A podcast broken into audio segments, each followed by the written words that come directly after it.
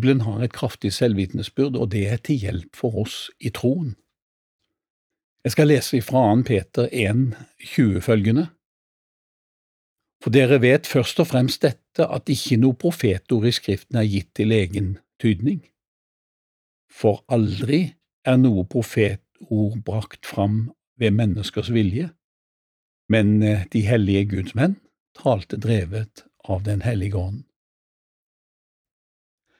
Bibelen du leser er Guds ord.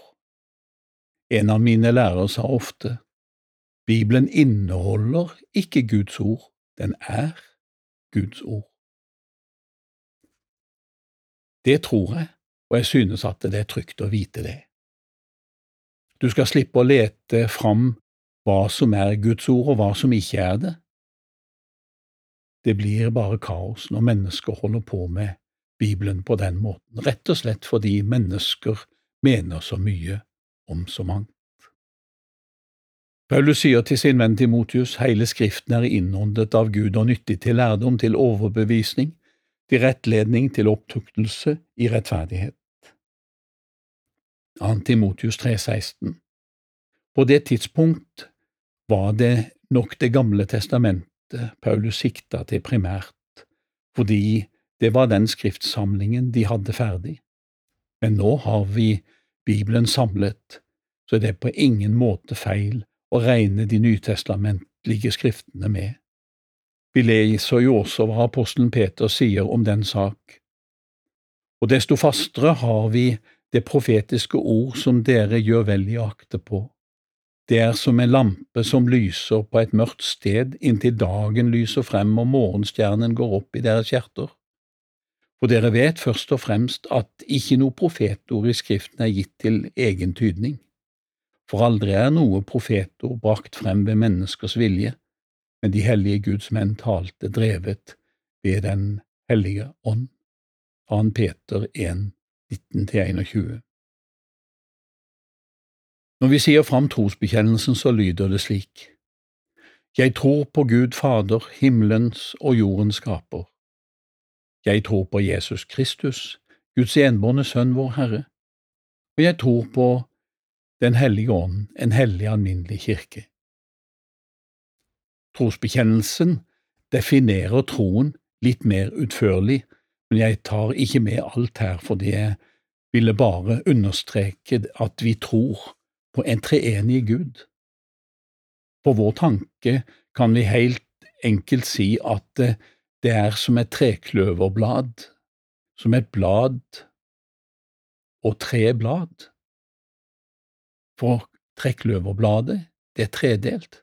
Det er Gud Fader, Jesus Kristus og Den hellige ånd, som er garantisten for Bibelens sannhetsinnhold og Bibelens tilblivelse. De hellige gudsmenn talte, drevet av Den hellige ånd. Bibelen er ment for at vi skal lese den og tro det som står i den.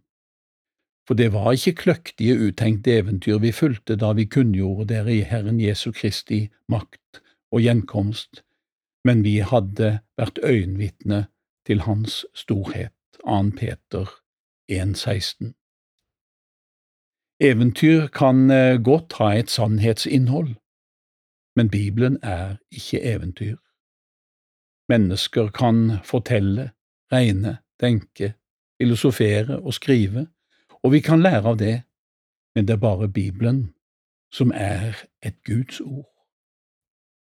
Begravde mennesker kan mye, og man kan bli imponert av det, men Gud er den hellige, den rene, den allmektige, den fullkomne, den allvitende. Han er lyset og livet, ja, selve skaperkraften. Det går mange Jesuser på gatene i Argentina men det er bare Bibelens Jesus som er Kristus, Frelseren. Den hellige ånd skiller ut de som tilhører Guds levende menighet på jord. Hør hva det står i løftet om Den hellige ånd. Men talsmannen, Den hellige ånd, som Faderen skal sende i mitt navn, han skal lære dere alle ting og minne dere om alt det jeg har sagt dere. Ser man det? Johannes 14, 26 står det. Og det er en spesiell åndsutgytelse som har funnet sted. Og da han hadde sagt dette, åndet han på dem, altså på disiplene, og sa til dem, ta imot Den hellige ånd. Johannes 20, 22. Og ånden kom som en gave til menigheten på pinsefestens dag. Og da pinsefestens dag var kommet, var de alle samlet på samme sted. Da kom det med ett en lyd ifra himmelen, som når en veldig stormvær farer fram og fylte hele huset der de satt. Og det viste seg for dem tunger liksom eld, som delte seg og satte på hver enkelt av dem. Da ble de alle fylt med Den hellige ånd og ild, og de begynte å tale i andre tunger, alt dette som Ånden gav dem å tale. Apostels kapittel 2 vers 1–4. Vi sto på trappa til Kylland bedehus i Åsrall, det var pinsedag. Vi var to predikanter som hadde talt på møtet. Samtalen gikk om Den hellige ånd og hvordan han virker i dag. Han bor jo ved troen i våre hjerter, det vil si at Ånden er i våre liv dersom vi tror på Jesus, og da må det være riktig som den eldre forkynneren sa. Det er i grunnen ikke nødvendig å forkynne Ånden, men forkynn Kristus, så faller Ånden. Det kristne vitnesbyrdet er på forunderlig vis båret av Den hellige ånd, og du kan se i den kristne forsamling når mennesker blir berørt av sangen og forkynnelsen av ordet. Det er dette som gjør Bibelen annerledes enn andre bøker. Det har det budskap som gjør at mennesker får med Gud å gjøre.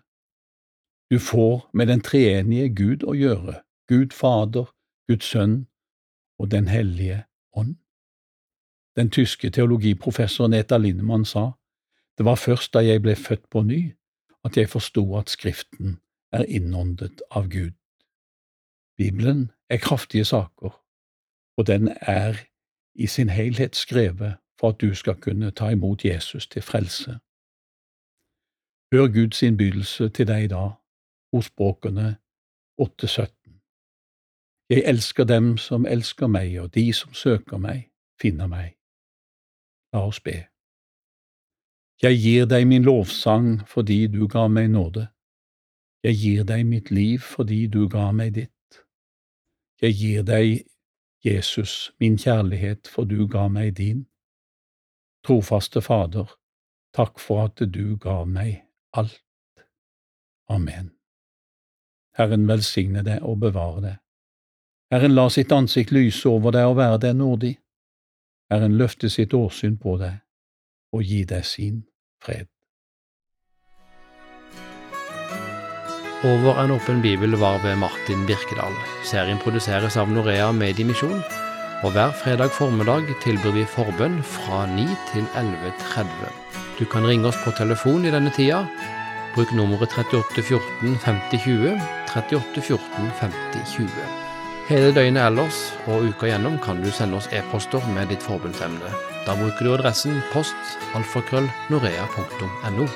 Og alle henvendelser blir selvfølgelig behandla konfidensielt.